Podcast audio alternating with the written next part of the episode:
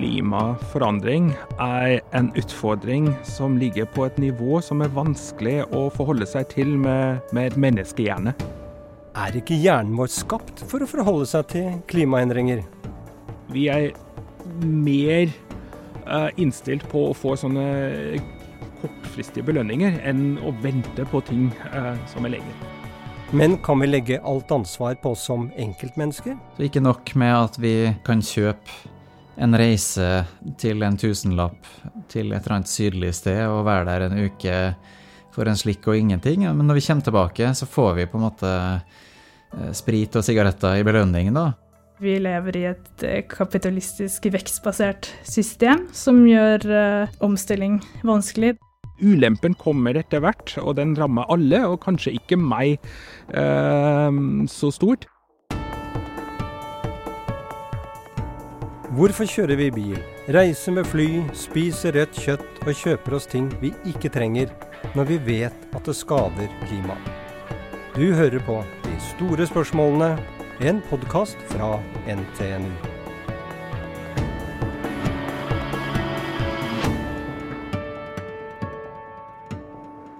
Altså, vi er veldig flinke til å løse problemer som er i det nære miljøet.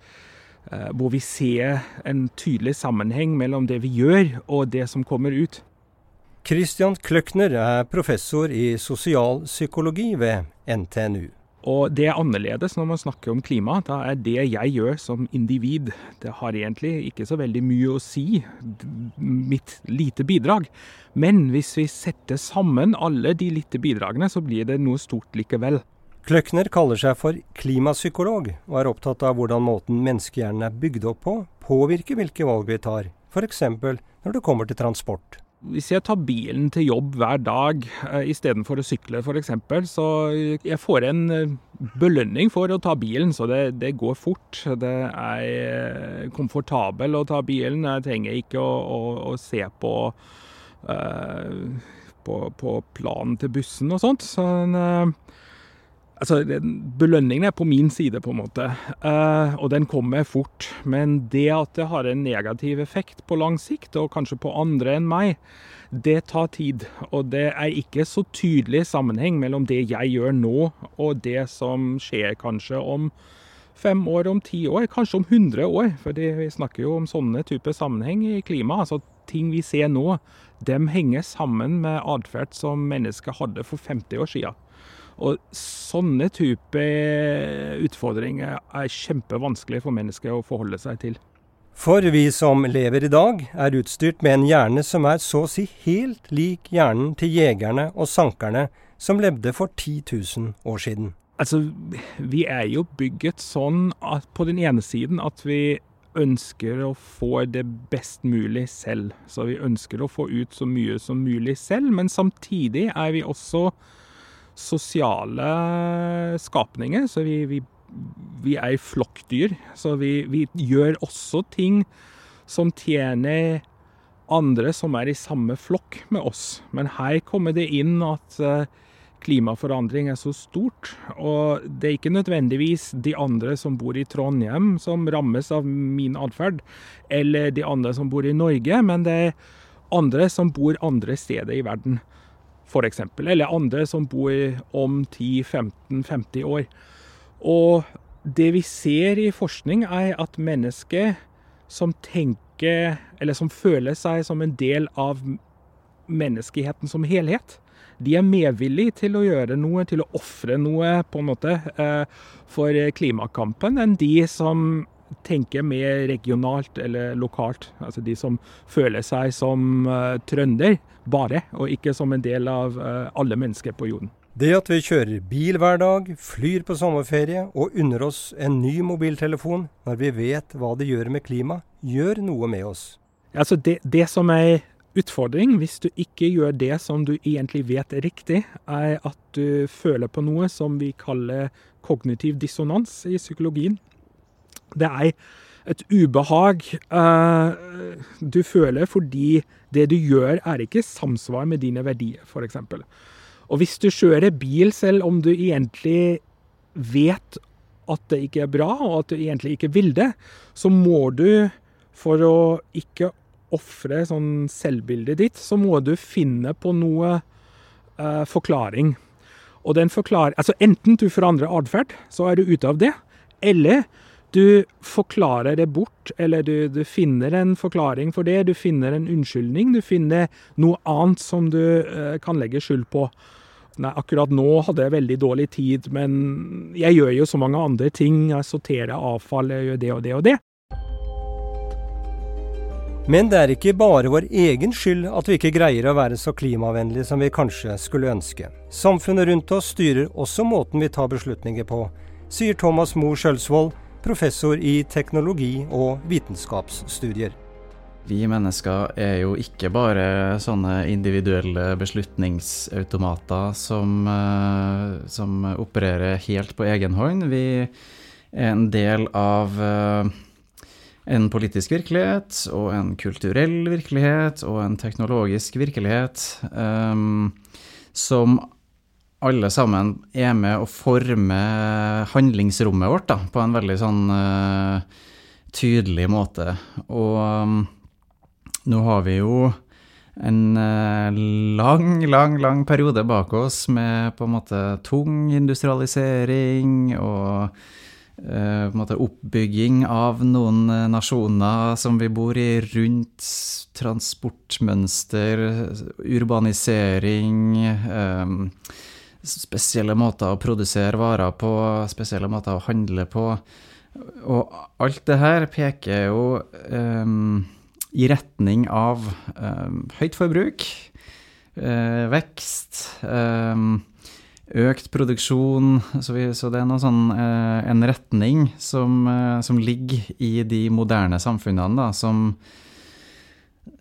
som også ligger der og på en måte guider oss litt sånn uavhengig av våre hjerner. Så det gjør det ekstra vanskelig, da.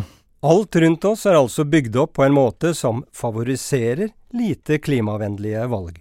Når det gjelder persontransport, la oss si på vei, så har vi jo en, en, en virkelighet og en infrastruktur som er veldig rigga rundt at vi lever livene våre med bil, f.eks.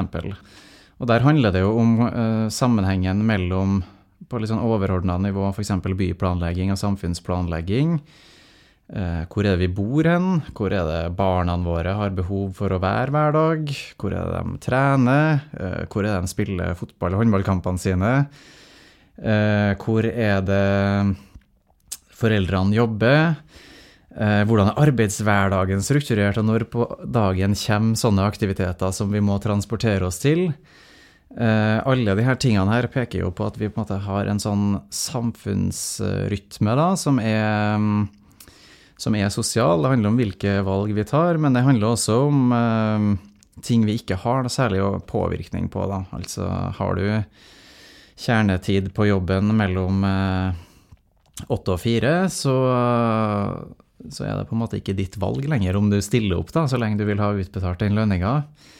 Eh, og har du da et barn som skal på håndballtrening eh, klokka fem, så er det klart du kan si du må ta bussen, men eh, det er jo ikke alltid at de tingene harmonerer. ikke sant? Så bor man på andre sida av byen, og så um, er det en hall som er i et område der hvor det ikke er godt tilrettelagt for kollektiv og den typen ting. Så det, syns jeg er et veldig sånn klart eksempel på at eh, infrastruktur kobla med på en måte arbeidslivshverdag, eh, byplanlegging, alle de her tingene henger sammen da, og gjør at uh, Sjøl om vi vet at den derre diesel-SUV-en vi har i garasjen ikke er det beste for klimaet, så er det så ufattelig mye lettere, da enn å i ytterste konsekvens finne seg en annen jobb, sånn at man kan eh, gjøre et annet transportvalg. Og sånn er det på mange felt, tenker jeg da. Ja, f.eks. Eh, flyreiser? Vi har et samfunn som handler om høy grad av eh, langdistansereising, da. Så vi har jo en eh, eh, turismesektor i Norge som er basert på at vi skal tiltrekke oss folk fra Kina, USA, andre steder. Eh, og de må nødvendigvis fly hit. Vi har en eh, norsk reiselivssektor som er rigga rundt at vi skal ut. Vi skal fly langt. Vi skal gjerne fly billig. Eh, Vi skal gjerne fly fort og direkte og billig fra Oslo til New York eller til Bangkok eller hvor det er. Um, og hvis man sammenligner på en måte prisnivået på, um, på liksom forskjellige måter å transportere seg på, så er jo flyreising, vil jeg si, um, perverst billig etter hvert. Um, det er én del av det. Uh, samtidig så har vi altså en en, en politikk da, for at de her systemene altså De skal ikke krympe. Vi, vi, vi vet at klima er eh, vår tids største utfordring, og man skulle kanskje tro at det var med å gi retning også på reiselivspolitikken, men eh, vi har en politikk som handler om at Gardermoen skal vokse, eh, Værnes skal vokse, eh, flytrafikken skal vokse.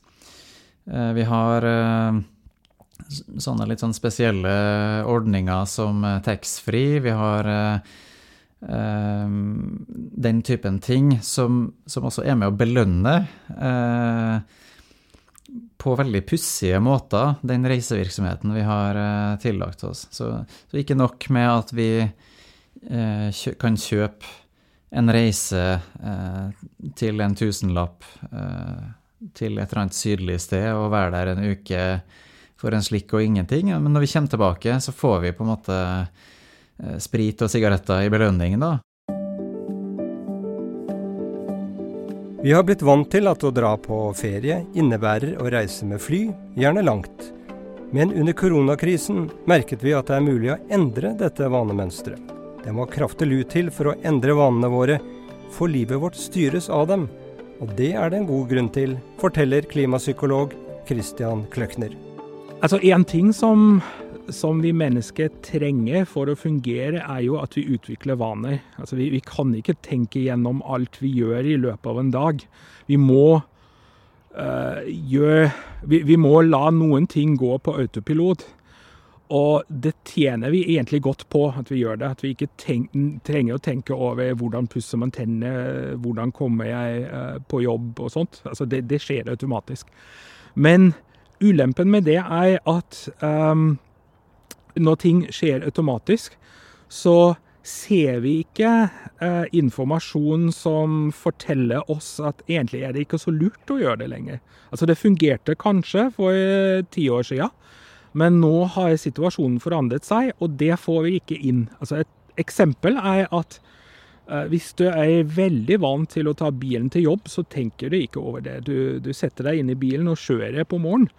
Um, og så var det kanskje sånn at for ti år siden, da du begynte med det, så var det ikke noe god bussforbindelse, fantes ikke noen elsykler og sånt. Eh, men det har forandret seg siden, så det kan hende at nå hadde det faktisk vært eh, nesten like lett å ta bussen til jobb.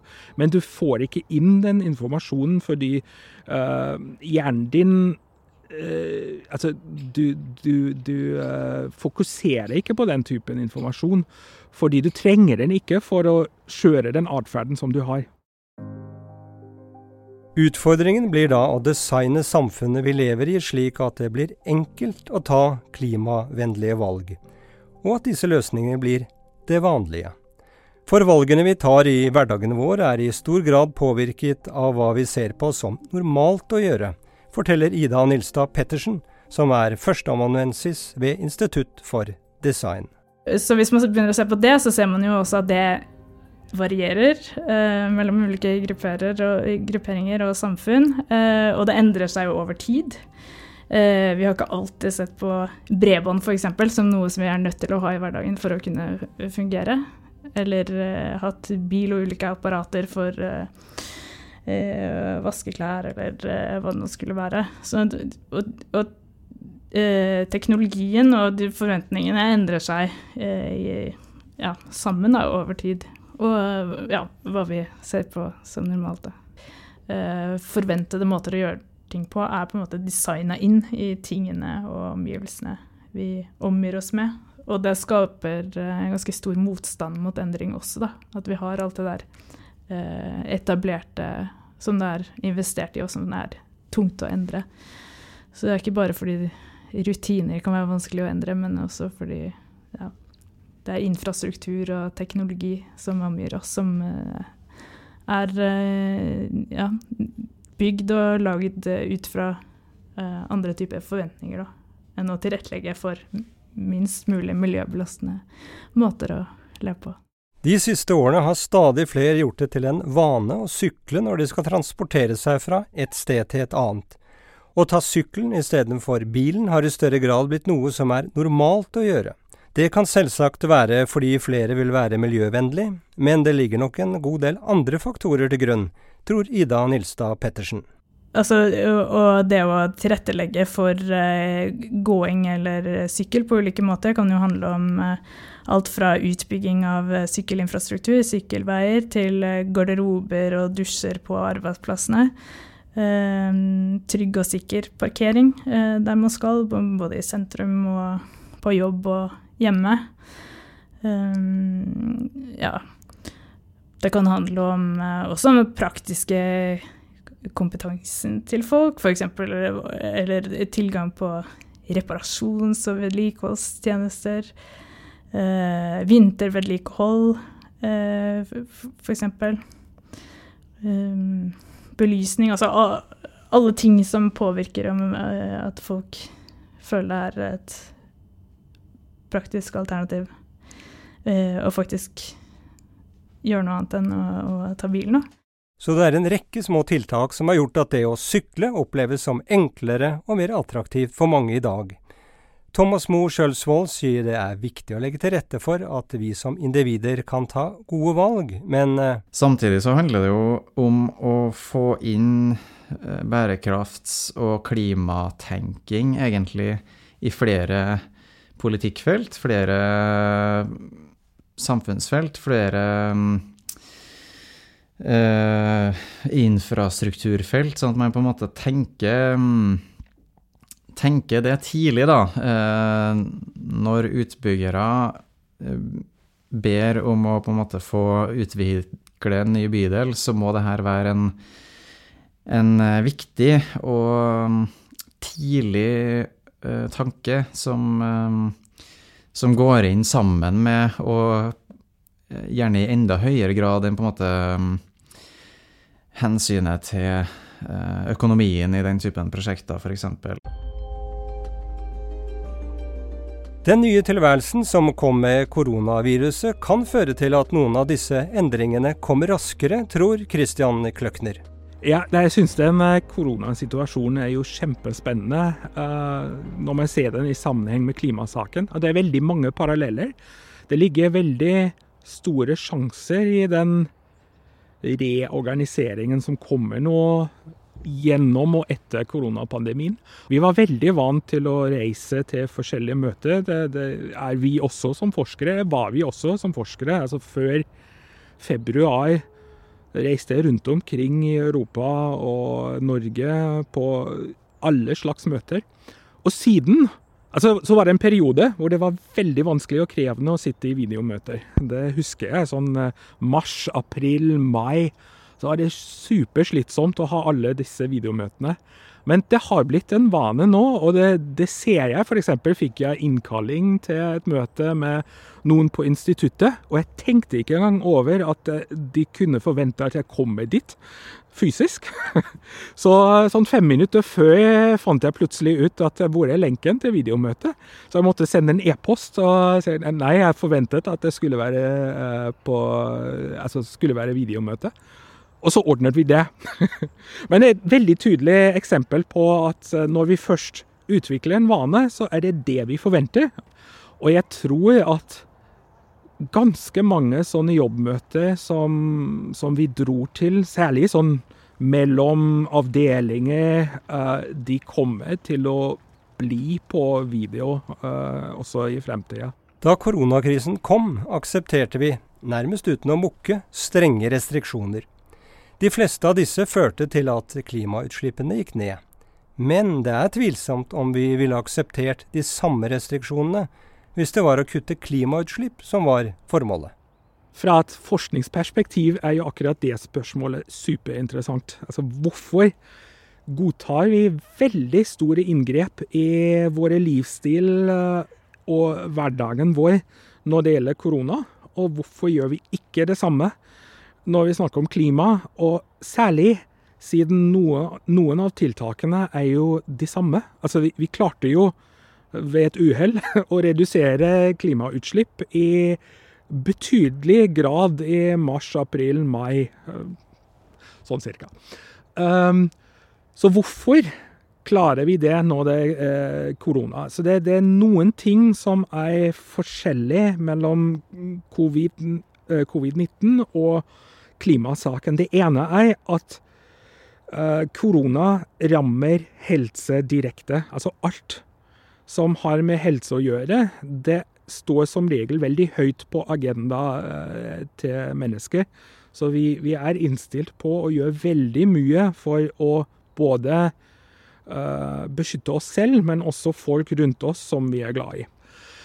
Det andre er at uh, i hvert fall i mars-april hadde vi en forventning at det her gjør vi i noen måneder. Og så er vi over den saken. Så jeg er ikke helt sikker på vi hadde vært helt så positiv innstilt hadde vi visst at det her gjør vi i kanskje to år. Eller lenger. Vi vet ikke. Så det at det var begrenset tid, og at vi hadde tro på at hvis vi gjør det ordentlig, og alle gjør det, og alle bidrar, så går det over rimelig fort. Så vi får livet vårt tilbake etter noen måneder. Og det er jo ikke sånn med klimasaken. Altså, vi kan ikke bare ta en pause med CO2-utslipp, og så er, alt bra igjen. I tillegg er konsekvensene vi ser av klimaendringer, ting vi er vant til fra før, bare mer. Vi er vant til at det blir flom av og til. Det har vært før, og det, det blir flere av det. Men det blir ikke noe annet. Og vi har Altså, det at det blir, blir varmt uh, om sommeren, um, det skjer av og til. Det er ikke noe som ligger utenom det vi har sett før. Men dette betyr slett ikke at folk ikke er opptatt av klima. Mange ønsker å bidra til å redusere utslippene, og de vil bli tatt på alvor, sier Thomas Moe Sjølsvold. Altså Både for eh, politikere og for folk som sitter og utvikler regelverk, reguleringer og den typen ting.